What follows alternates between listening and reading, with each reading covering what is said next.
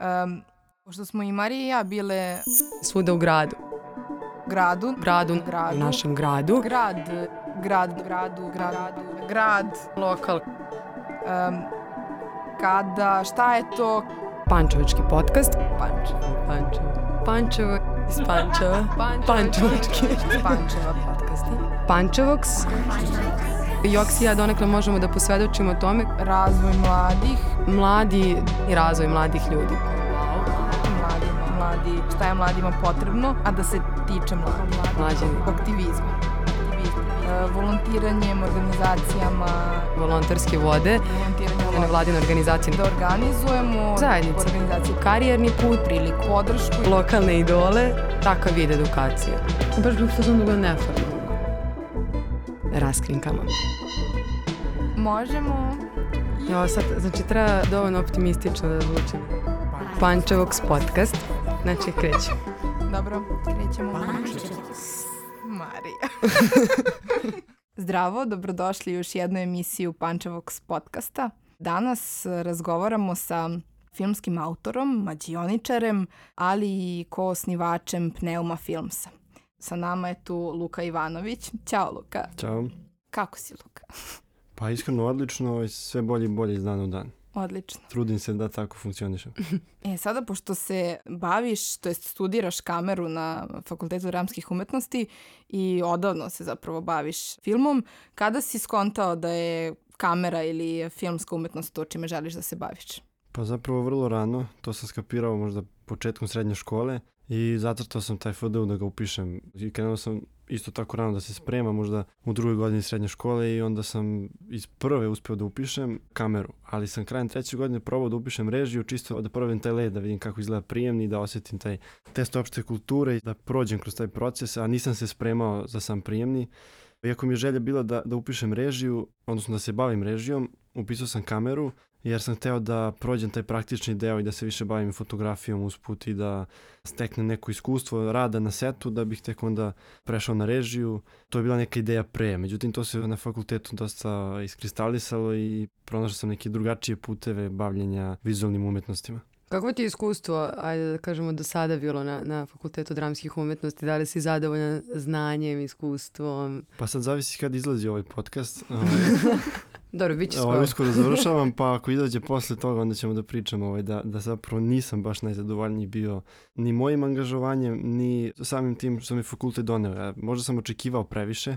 Ja sam sa dosta znanja došao tu i bavio sam se i, i animacijom i gomilom nekih stvari koje sam već praktično prošao i onda je nekako fakultet me vratio ponovo neke osnove i, i osjećam se kao da se nikad nisam ni pomerio sa tog nekog nivoa, kao da nisam nešto preterano napredovao s početka. Naravno, naučio sam mnogo toga, ali u odnosu na moje očekivanje to nije ono što sam zamislio. Ali sam se pronašao u nekim opet drugačijim stvarima, pričat ćemo kasnije o tome. Da se dotaknemo možda i tog iskustva pre samog fakulteta.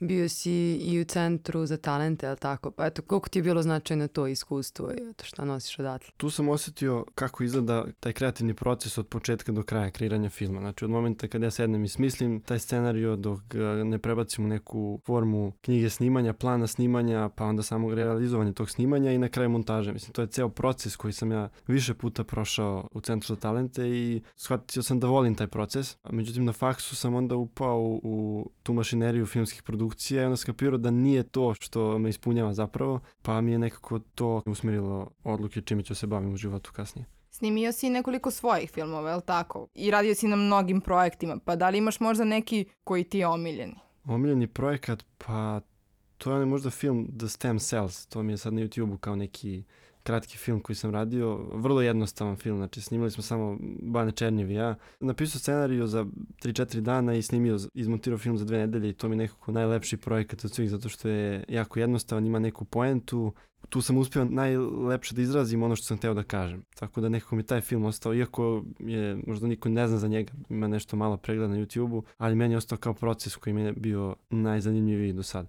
A ovako od tih nekih većih projekata, eventualno bih izdvojio rad na setu za film Hotel Beograd. To je onako bila ogromna ekipa i puno uh, profesionalnih, iskusnih glumaca, puno ljudi od kojih sam mogao da naučim kako se radi na setu, to su ljudi koji su ceo život u tom poslu i mislim da sam tu onako najviše stvari naučio u celom tom procesu od tih dva meseca. E sad kad si pomenuo te neke ozbiljnije, da tako kažemo, projekte, kakvu bi paralelu napravio između, na primjer, studentskih, kakvo iskustvo stičeš kroz to i kroz kao rad na studentskim filmovima, kad pomeš svojim kolegama i slično, a kako kada je opet kao rada, tako kažemo, tom nekom malo višem nivou i sa nekim već iskusnim i ozbiljnijim malo produkcijama? Pa iskreno mislim da na fakultetu nisam uspio da pronađem to društvo koje meni odgovara, da se tako nekako energetski poklapamo, da jedni drugi pokrećemo na rad. Ja sam aktivan, impulsivan, hoću neke dinamične stvari da snimam dok je nekako ceo fakultet, odnosno moje društvo tu oko, oko mene koje je studiralo sa mnom, dosta statično više volete neke mirnije stvari, sporije filmove i onda se nikad nisam pronašao sa njima, ni sa rediteljima, ni sa kolegama sa kamere. Svi smo se mi super družili sve to, ali nikako nismo uspeli taj neki umetnički spoj da napravimo i uvek su mi te filmovi bili mučni nekako, samo da ih pregovoram, samo da položim taj ispit. A ovako stvari koje volim da radim sam snimao van fakulteta i to mi je bilo ono što me zapravo ispunjava. A spotovi, mislim kao radio si spotove, pa kao, kako je tu razlika između ono, rada na filmu i rada na spotu? Pa spotovi su mi postali možda čak i omiljenija forma od filma, zato što mnogo volim muziku, jako pažljivo slušam muziku i on ispunjava veliki deo mog svakog dana i onda mi je jako zanimljivo da ne koristim sve to znanje u vizualnom izražavanju, da dopunjavam muziku sa tim i to mi je nešto što stvarno volim da radim. Volim da smišljam spotove, još više da ih radim i da, da zapakujem sve to u jedan projekat. Možda i da pomeneš eto neke, neke spotove na kojima si radio za one koji ne znaju. na prvom mjestu je tu uvek rampa, s njima mi je najlepše da radim. Mislim da će uvek tako ostati jer to, to je ta neka ekipa koja mi je super bila za rad. Radio sam spotove sa Banetom Tomaševićem, nekoliko spotova sa njim na prelepim lokacijama, to je isto iskustvo koje neću zaboraviti. Ne znam onda šta sam još radio. Slušate Možda da se dotaknemo i tvoje mađioničarske karijere. Pančevci te uglavnom znaju, a mada i šire ljudi, po tvom gostovanju, to jest učestvovanju u televizijskom šovu Ja imam talenat. Kako je bilo to iskustvo i koliko ti je tako neko iskustvo značilo, a da nije nužno vezano za tvoju primarnu oblast, ali ti to poprilično spajaš, pa samo neki osvrt mm -hmm. na mhm. to. Samo to učestvovanje je ogromno iskustvo. Koliko je trajalo, možda šest meseci, pet nastupa sam imao, to je za tako kratko vreme ogromna količina iskustva koje sam stekao i stvari koje sam morao da prevaziđem i da unapredim u sebi i sa samim sobom i u tom mađaničarskom aspektu. Krenuo sam sa nekog nivoa prosječnog i onda sam iz nastupa u nastup morao da podižem nivo sve više i više i da jako brzo napredujem da bih prestigao na svaki prethodni nastup. I to je stvarno bilo intenzivno. Jedan veoma zahtevan period koji me poprilično izgradio psihički za sve kasnije i za prijemni i za sve neke stvari u životu kasnije, zato što sam uspeo da probijem tu granicu treme i nekog straha koji me zatvarao non stop. Plus što sam nekako stalno bio introvertan i nisam hteo da, da se izlažem kao da, da izlazim pred ljude, da im bilo šta pokazujem. To je sve nekako bilo, krio sam se iza fotografije, iza filma. Ovo je nekako prvi put da sam ja izašao i nešto predstavio i to je onako na, najveći korak koji mi je značio. A kada je počelo tvoje interesovanje za magiju, trikove? Da li je to išlo nekako paralelno sa filmom ili je to došlo pre ili posle toga? Pa to je bilo krajem osnovne škole. I sad ne mogu, da, ne, ne mogu da poredim sa filmom, pošto sam imao tako gomilu nekih interesovanja, sto stvari sam krenuo da radim, istraživao gomilu stvari i onda mi nekako ovo sad što je ostalo, to je ono zašto sam, čemu sam ostao, zašto sam se uhvatio najviše da, da vežbam. Ali su se film i magija spojili tek u tom finalnom nastupu na, na talentu tad mi je tek prvi put palo na pamet, aha, ovdje ima nekih sličnosti i to može da se spoji u jednu stvar. Od tad zapravo razmišljam i uviđam sličnosti i koristim tu neku simbiozu ta dva znanja koje imam. Kako ti je što delovala ta cela i kao i produkcija, mislim kao kafiram da je to neko autentično iskustvo što se tiče imam talenta, nemam pojma, žiri, ti kad si bio, ko je tad bio, Žika Todorović, jel da, da Ana Nikolić? Danica Musinović, da. Da, i Ana Nikolić, da. tipa, jel da? Ja mislim, da, da Rasta, da. Danica, Žika i Ana, da, oni su bili. Jesi imao kao neku, neku tu anegdotu sa, sa tim delom, ili sa žirijem, ili kao što možda nešto što se tiče same kao iza kulisa? da, bilo je dosta toga, mislim, sa Žikom je bilo dosta tih razgovora posle, jer on, on sam stvarno hoće čovjek da, da skapira kako mi to radimo, voli da, da provalja mađioničare i onda je, ja sam bio posebno zanimljiv pošto nije mogo da provalim jedan trik, a posebno prvi nastup, jer uh, sam izvukao kartu iza uveta i to mu je bilo ono neočekivano i za to me jurio posle, a drugi nastup kad sam izvukao kartu iz njegovog džepa, to je, to je tek bio haos. Kako mi na kraju kao sve okej okay, što, što ovi trikovi, to se, kao kako si ti ubacio kartu u moj džep, to je taj moment nikako nije mogao da, da skapiraju. Onda tu, ovaj, poslije snimanja filma Hotel Beograd smo se sreli ponovo, pa smo opet pričali o tome i, i izvodili trikove tamo i Da prepoznao, umalo da, mi su da. izbacili sa seta, pošto zaremetio, remetio sam radnu atmosfe- atmosferu. I jako mi je drago što sam, što sam imao tu priliku da se ispričam sa njim više puta. Pozdrav. Da, imao si to iskustvo da zapravo, pored tih nastupa, da si držao i neke radionice za mađioničarskih trikova za klince. Kako je to iskustvo bilo, kao da sada ti nekome prenosiš neko znanje? To je totalno drugi nivo bavljenja tim trikovima. Ja sam morao da dođem ponovo do neke suštine kako se to radi da bih to deci predstavio. I sad kad razmišljam, ne znam kako sam tako lako ušao u sve to i kako sam izgurao. Sad kad bih ponovo radio, mislim da bih eh, da bi mi trebalo eh, više hrabrosti i duže vremena da, da, da se odlučim za tako nešto, ali tad mi nekako sve bilo može, sve super i ovaj, ušao sam u to n- poluspreman i izgurao to jedva onako da, da, da deca izvedu nastup na kraju radionice, to je bilo izuzetno stresno. Ali kao svi su izveli sve savršeno i bio sam prezadovoljan. Da li to rezultat koji govori o mojoj radionici, nisam siguran, mislim da je to moglo mnogo, mnogo bolje da se radi, ali svakako bih volio da se vratim u to, ne sad, ali u nekom možda kasnijem periodu, da ponovim ljude koji će učiti to, pošto mislim da to mađuničarstvo i ti trikovi će tek postati popularni kako ljudi budu saznavali za to. Kako si ušte ti e, počeo da se baviš? Mislim, kao gde si ti naučio trikove? Pa imao sam problem zato što me jako nerviralo kako sad ti neki nastupi funkcionišu. Vidim da je to nemoguće, znam da nije neka video montaža i onda me jako kopkalo to kako su ti ljudi to uradili. Ima, sad bilo je tu gomilu nastupa koje sam gledao po internetu i krenuo sam, danas je logično ukucati ono card trick tutorial ili bilo šta i naći nešto, naći odgovor. Kao, ali ja, nije mi to palo na pamet, nego sam ja gledao nastup sto puta i pokušavao da otkrijem sam kako to izgleda, pa sam onda sam pokušavao da radim to isto i tražio način kako je moguće da izvedem taj neki trik i zapravo sam tako dolazio do tih nekih elementarnih stvari. Prvo sam ih sam otkrio kroz neki svoj način, pa sam kasnije tek krenuo kroz knjige, kroz neke online kurseve da učim i posle sam se prebacio na to kad sam naučio osnovne elemente, onda sam krenuo svoje trikove da smišljam i tad se zapravo sve otvorilo i tad sam počeo najviše da napredujem u toj oblasti. To je možda bilo posle prvih godinu dana vežbanja. Znači, za to je potrebno kao mnogo, mnogo vežbe da bi se Mnogo, došlo da, da. Mislim da tek nivoa. posle dve godine sam uspeo da, da sigurno izvodim trikove, da imam to samopouzdanje i taj scenski nastup da trik prosto uspe. Jer bez tog nekog um, multitaskinga koji mora da postoji, bez tog samopouzdanja, svi će provaliti trikove. Znači, bukvalno to je neki temelj koji sve te iluzije i te metode ume da sakrije od ljudi da oni zapravo ne, ne, ne skapiraju to što je jako očigledno i dožive to kao nešto nemoguće, kao magiju. A koliko je teže ili možda zahtevnije kada držiš filmske radionice i pokušavaš da te alate i metode preneseš uh, mlađima, pošto držao si, jel tako, u Centru za talente, odakle si ti nekako potekao i najviše stvari naučio?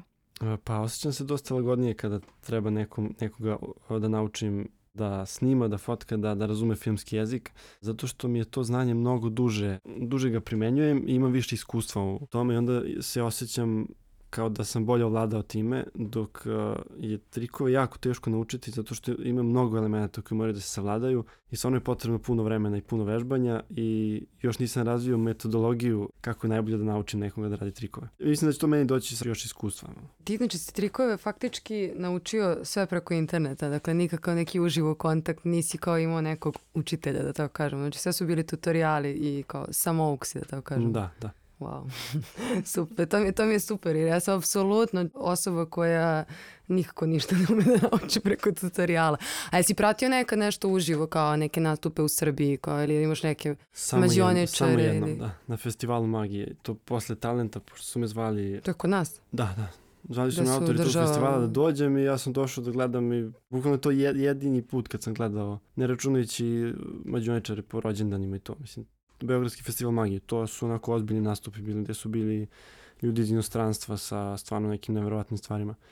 Sećam se dobro, tad sam gledao nastup sa gutanjem igala koji mi je bio nemoguć i evo, preprošle godine sam ga ja naučio i kao radim to isto. Ja se sećam kada smo snimali filtriranje sa tobom, da sam i ja bila iznervirana svaki put kad mi pokažeš trik i ja kao, dobro, jedan sam i otkrila dok smo snimali, jer kao drugačije je kada posmatraš iza scene, dok ti nekome radiš trik, ali svaki put kada meni pokazuješ kao šta se desilo. Ali imaš neki koji ti je omiljen. Omiljeni trik. Pa da, kao ili ne, bar neku vrstu to, nemam pojma. Trikovi s kartama su mi generalno omiljeni zato što mogu bilo gdje da ih izvodim. Sa tuđim kartama, svojim kartama, nebitno je i kao nemam te neke rekvizite koje koristim i generalno izbegavam da koristim bilo kakav rekvizit mađoničarski jer, onda robujem njime, onda moram da ga nosim sa sobom, ne mogu da imam tu spontanost na koju se uvek oslanjam. A karte su savršene, bez ikakvih problema mogu sa bilo kojim špilom da radim sve trikove koje znam.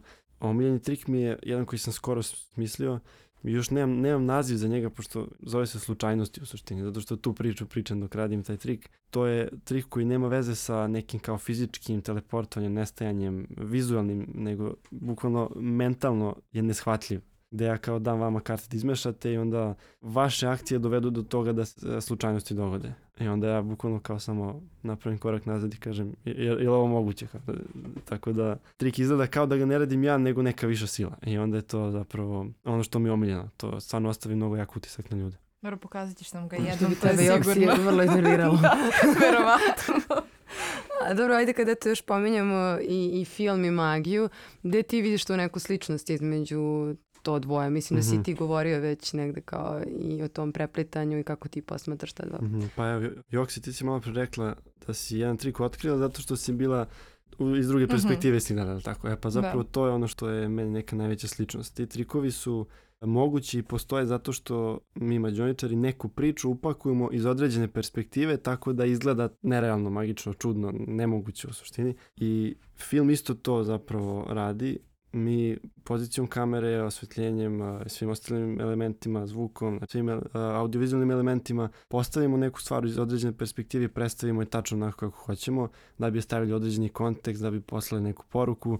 Zapravo suština, odnosno elementi i mađoničarstva i filma su ta manipulacija percepcijom. To je ono što sam povezao da, da je neko moje suštinsko znanje koje sam izvukao iz jednog i iz drugog. Osnovao si i udruženje Pneuma Films koje se bavi videoprodukcijama. Kako je potekla ideja, pošto to nije sa kolegama sa faksa, nego sa kolegama iz Pančeva, tako da si se opet sa nekim pronašao da ne, gradite neku svoju priču. Pa to malo pre sam spominjao, to neispunjeno očekivanje od fakulteta, sam, sam taj osjećaj da se nisam pronašao. Zamišljao sam sebe da, da radim na filmu, da se bavim time, da sam u nekoj produkciji i onda sam osjetio kako to izgleda, iskapirao da to nije ono što zapravo hoću. To je bio do, na, možda najgori period u mom životu gde sam stvarno bio nesnađen, loše sam se osjećao svaki dan, nisam znao kako da, da, da ono, da funkcionišem i šta ja zapravo hoću i kroz nekih niz, niz događaja, projekata sam se upoznao sa uh, Nikolom Veljkovićem i onda smo otišli u Berlin na projekat tamo 2019. godine i bukvalno družili se, pričali kao i o poslu i o, i o životu ovako generalno i tu smo se lepo upoznali i skapirali da imamo nekako slične ciljeve u životu, slične razmišljanja, delimo slične vrednosti i odmah nakon toga kad smo se vratili u Pančevo desi nam se projekat koji smo imali priliku zajedno da radimo i to se sve nekako poveže u to da smo osnovali, pa to smo zvali produkcija, pa je sad zvanično udruženje. Udruženje nosi naziv kreativni kolektiv, što je možda i najbolje, zato što je cijela ideja ovoga da mi skupljamo kvalitetne ljude koji, sad podrazumemo pod kvalitetnim ljudima, ljudi koji dele iste vrednosti sa nama, koji žele da svojim nekim radom, svojim učinkom poboljšaju ovaj svet i da rade za korist uh, svih nas na planeti Zemlju. Jednostavno rečeno. To, to zapravo i znači pneuma film, mislim pneuma je dah ili duša, u nekom prevodu preneseno znači duša čovečanstva, odnosno ta neka kolektivna svest koju svi imamo i, i svi kad nešto radimo, kada nešto korisno radimo za, za kolektiv, doprinosimo toj kolektivnoj svesti. To je kao ideja iza naziva. A reci mi, jeste li radili već ili trenutno radite na nekim projektima i slično? Pa imamo dosta tih projekata koje, koje smo radili, sad to je dosta i spotova i, i nekih društveno angažovanih stvari, je sad uvek smo težili ka tome da radimo stvari koje nas zaista interesuju, koje nas zaista ispunjavaju. To smo, da kažem, uspeli da, da taj procenat tih projekata smo uspeli da dovedemo na, na 95% bukvalno i to je ono što, što na što sam najviše ponosan kao što smo uspeli tu ideju da izguramo dotle da zapravo funkcionišemo radeći stvari koje volimo. U kom pravcu onda želite da se kao organizacija dalje razvijate? Mhm, pa trenutno sad radimo najviše na održivosti jer nam je cilj da nam Pneuma Films bude primarni izvor novca, ali neki dugoročni ciljevi su da krenemo da se bavimo edukacijom mladih, da što više mladih ljudi koji žele da se bave filmom, fotografijom, digitalnim medijima mogu da sarađuju s nama, da zajedno napravimo jedan kolektiv koji će funkcionisati. Možemo sada da pređemo na možda najzanimljiviji deo našeg podcasta, to su leksikonska pitanja. Leksikonska pitanja, Leksikonskih. moćeš naizmenično ili... Izdvojili smo pitanje Pitanja. Pazi sad pitanje. Ispomenuo si da voliš e, muziku, pa da li imaš neki pančevački omiljeni bend ili muzičara? Sad radio si neke spotove. Pa da, mislim, očigledno da kažem rampa, mislim da je to... Da, njih stvarno volim, volim da ih slušam uživo i, i super su ekipa, tako da jedva čekam sledeći njihov uživo nastup. Omiljeno mesto u Pančevu. Levi svetionik. Zdravo. to je ovaj do kog e, mi ostali ne možemo da stignemo, samo Luka. E, gde najviše provodiš vremena? A da, najviše vremena mislim da provodim na internetu. a, Ali mislim u Pančevu kao Da. fizičko mesto. Ili gde bar najviše voliš da provodiš? Definitivno kod Johnny-a na, u radno, na radnom mestu, tako da ovaj, tu smo poslednjih nekoliko meseci ovaj, svakodnevno radimo, tako da... Razvijate Da, pneum. da, da. A, da li imaš neku omiljenu ličnost iz Pančeva? Bilo istorijsku, bilo nekog sada sugrađanina, sugrađanku? Branislav Rovčanin, definitivno. Omiljena manifestacija u Pančevu? Možda, iako čak ne postoji trenutno. Da, vidiš sad kad si... Pa volao sam dane avanture ovaj, koje je Banja organizovao. Sad kada si to spomenuo, totalno smo zaboravili tu tvoju avanturističku stranu i planinarenje i da fotkaš kada ideš sa sokom na planinarenje i ostalo. Ćeš nešto o tome? Da, pa naravno, kad sam već spomenuo Baneta, mislim da bi bio prvo da ga pozdravim ovim putem, a drugo da, da ispričam tu neku, taj neki značaj koji su te avanture imali za mene. Mislim da su mi planinarenja stvarno najznačajnija stvar u životu koju sam imao zato što šta god da mi se dešava u životu lepo ili loše nekako kad god odem na planinu imam vremena sa sobom da rešim sve što mi se dešava da to nekako saberem da se to slegne i da donesem neku pravu odluku. Imao sam sreće da sam na većini planinarenja bio sa Banetom i on nekako neposredno kroz razgovore sa njim on je nekako stvarno bio mentor koji me naučio mnogim stvarima i bio mi idol ono, kad sam bio mali baš da njegova energija pozitiva sve sam to upijao od njega tako da su mi te avanture sa Banetom u planini stvarno značile mnogo i kao do, mnogo sam mu zahvalan na svemu tome. Šta bi poručio mlađem sebi? Mm, Da uradi sve isto što, što sam ja radio. Strava, da. I za kraj šta bi volao da budeš kad porasteš? A, pa volio bi da budem bolja verzija sebe. Čime god da se budem bavio, kao možda mi dosadi sve ovo što sad radi, možda pređem nešto drugo. Totalno sam otvoren po tom pitanju. Samo bih volio da slušam sebe, da ne dozvoljavam nekim drugim stvarima da me pritiskaju, da utiču na to što zaista želim da radim i to je to da pratim taj neki svoj osjećaj kao i do sad. Mislim. To je ono što, što mislim da je neki recept za dugoročnu sreću. Svašta smo pokrili i pričali smo i o filmu i o magiji, eto i na kraju o planinarenju. Hvala Luka. Ako imaš eventualno ovaj, neki YouTube kanal ili nešto gde možemo Da. da, pozovemo slušalce da možda pogledaju neke od tvojih projekata. Najbolje da kažem da, da ljudi zaprate Pneuma Films na Instagramu i da su subscribe na YouTubeu, to ovaj, trebalo bi da, da se dešava neki kontent u sledećem periodu, ali mislim da je Instagram Pneume ono što, ono na čemu najviše radimo, odnosno tu se vide svi projekti na kojima trenutno učestvujem, tako da to je najbolje mesto za praćenje. Zapratite Pneuma Films. I jedno čekamo da vam pokažeš neki novi trik. Pančevox podcast je nastao u produkciji Krokodil studija u Pančevu. Autorke Pančevox podcasta su Jovana Jankov i Marija Todorović. Producent Vuk Stefanović. Ja sam Luka Ivanović, a slušali ste Pančevox. Dobrodošao. Rekao da znamo da je došao, kao dobro, dobrodošao. Kako se kaže, Pančevox ili Pančevox? Pančevox. Pančevox, da. Uh, Panče... Nisam čula razliku tvoju. Možda će Vuk, uh, voli on ove naše neformalne razgovore, vratno će dodati. Ove gluposti. Ima još. A, ok, ok, ajde. Projekat sprovodi Synchro Hub, a financiran je od strane Evropske unije kroz projekat Mladi, Savez za medijsku pismenost i digitalni značaj. Stavovi izraženi u podcastu isključiva su odgovornost autora i njihovih saradnika i ne predstavljaju zvaničan stav Evropske unije.